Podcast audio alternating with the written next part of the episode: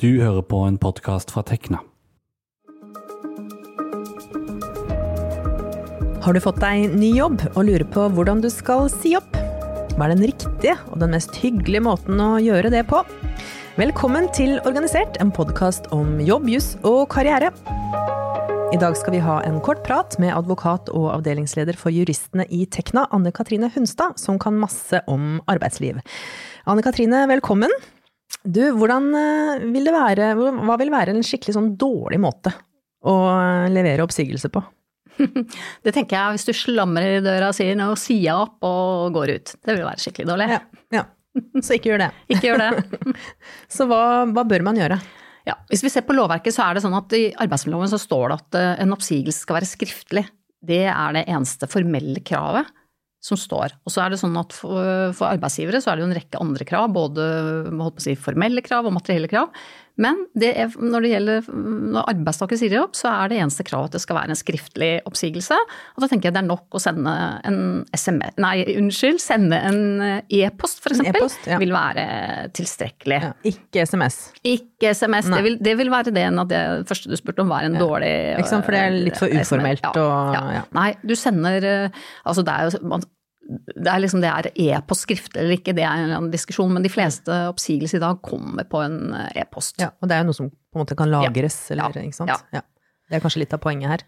Så det er det formelle. Mm. Det, det, er at du sender um, en skriftlig oppsigelse. Det er det eneste kravet. Så er det jo ikke noe krav om at du må begrunne oppsigelsen eller si hvorfor du slutter eller noe sånt noe. Men uh, mitt råd er jo at du sender en, uh, sender en, sender en, At du ber om en samtale med arbeidsgiver, og så forteller at du har tenkt å si opp. Om ja. du har fått en ny jobb eller hva det er. Uh, så ville nok jeg, hvis du har hatt det rimelig bra, så ville jeg nok takka for liksom, tiden jeg har vært der og jeg har lært mye og alt dette her. Og etter den samtalen, som kanskje mange vil føle er litt ubehagelig, og det er det sikkert, for de fleste arbeidsgivere, og særlig i dag med det markedet hvor mange opplever at det er mangel på arbeidskraft, så, så vil arbeidsgiver bli litt sånn ja, kanskje mm. lei seg og synes at det, uff, det var jo ikke så bra, liksom.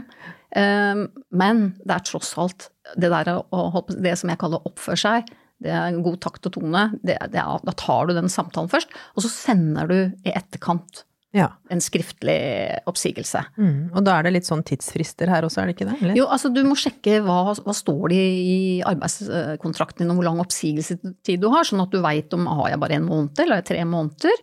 Og så er det sånn at oppsigelser begynner å løpe først fra den første måneden, så hvis du finner ut den midten av måneden at du vil si opp og sender oppsigelsen, vel så begynner den jo ikke å løpe før påfølgende måned. Mm. Mm. Så det må du sjekke, det er lurt å sjekke ut. Øh, så det er det ene, at du bør stå, det bør jo stå i oppsigelsen at du sier opp, og når, du, når er det liksom siste dagen din. Ja. Eh, og så bør du ta opp eventuelt, har du ferie til gode som du ønsker å avvikle, så bør du kanskje si noe om det. Er det andre utestående ting, er det, du, er det noe har du noe bonus eller andre ting, så bør du også liksom nevne det i oppsigelsen. Hva hvis den nye arbeidsgiveren har lyst til at du skal begynne litt før, eller har muligheten for å begynne før og sånn, er det noe man kan ta i den Ja, det kan du. Det kan du. Du kan ta det opp det skriftlig, eller så ville jeg ha tatt den i den muntlige eh, samtalen. For i utgangspunktet så du, må du jo jobbe i de tre Hvis du har tre måneders oppsigelsestid, så må du jobbe i de tre månedene. Mm. Så da må du inngå en avtale med arbeidsgiveren din om at du skal gå før. Mm. Man kan ikke jobbe dobbelt, liksom? Nei. Nei. Nei. Du, er, du er, lojalitetsmessig bundet i de tre månedene i oppsigelsestiden. Da er du fortsatt mm. ansatt. Så det må, være, det, det må, du være, veldig forsiktig med, at du ikke starter en annen jobb mens du fortsatt er i oppsigelsestid, uten at du eventuelt har fått go for det da, fra, mm. fra arbeidsgiveren din. Ja. Det, kan bli, det, kan bli, tatt skikkelig ille opp hvis du gjør det uten å ha avklart det. Ja. Mm. Ja, så det er jo egentlig ikke så veldig mye å holde styr på her, bare litt sånn tunga rett i munnen på når du skal slutte og sånn, og så gjøre det skriftlig. Ja. Og så ikke brenne alle bruer, liksom, hvis du egentlig er misfornøyd, men at du faktisk prøver å holde litt takt og tone og rett, Ja, rett og slett, for det handler om relasjoner, da, mm. ikke sant. Så det er, det er mitt, uh, mitt, råd at du, du oppfører deg. Mm. Selv om du kanskje har en del um, syns at det er ikke alt som har vært så bra. Det er vel en grunn for hvorfor man skifter jobb, men man kan også ha lært mye, og det er mm. jo Det er naturlig å bytte jobb. Det er naturlig å bytte jobb, mm. men det er naturlig å takke for seg, for seg, også i den perioden man har, at man har lært noe, osv. Mm. mm. Tusen takk. Det var kort og godt, det, med Anne Katrine Hunstad. Advokat i Tekna. Og hvis du som lytter har innspill til hva vi bør ta opp i denne podkasten, som f.eks. det du hørte her nå, så vil vi veldig gjerne høre fra deg. Og da sender du oss en e-post til podkastkrøllalfatekna.no.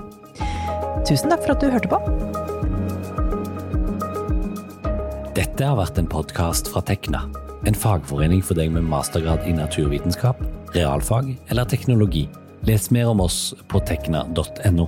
Programleder var Vibeke Westerhagen, reporter Sondre Tallagsrud, og teknisk ansvarlig var meg, Andreas Kili Grenasberg.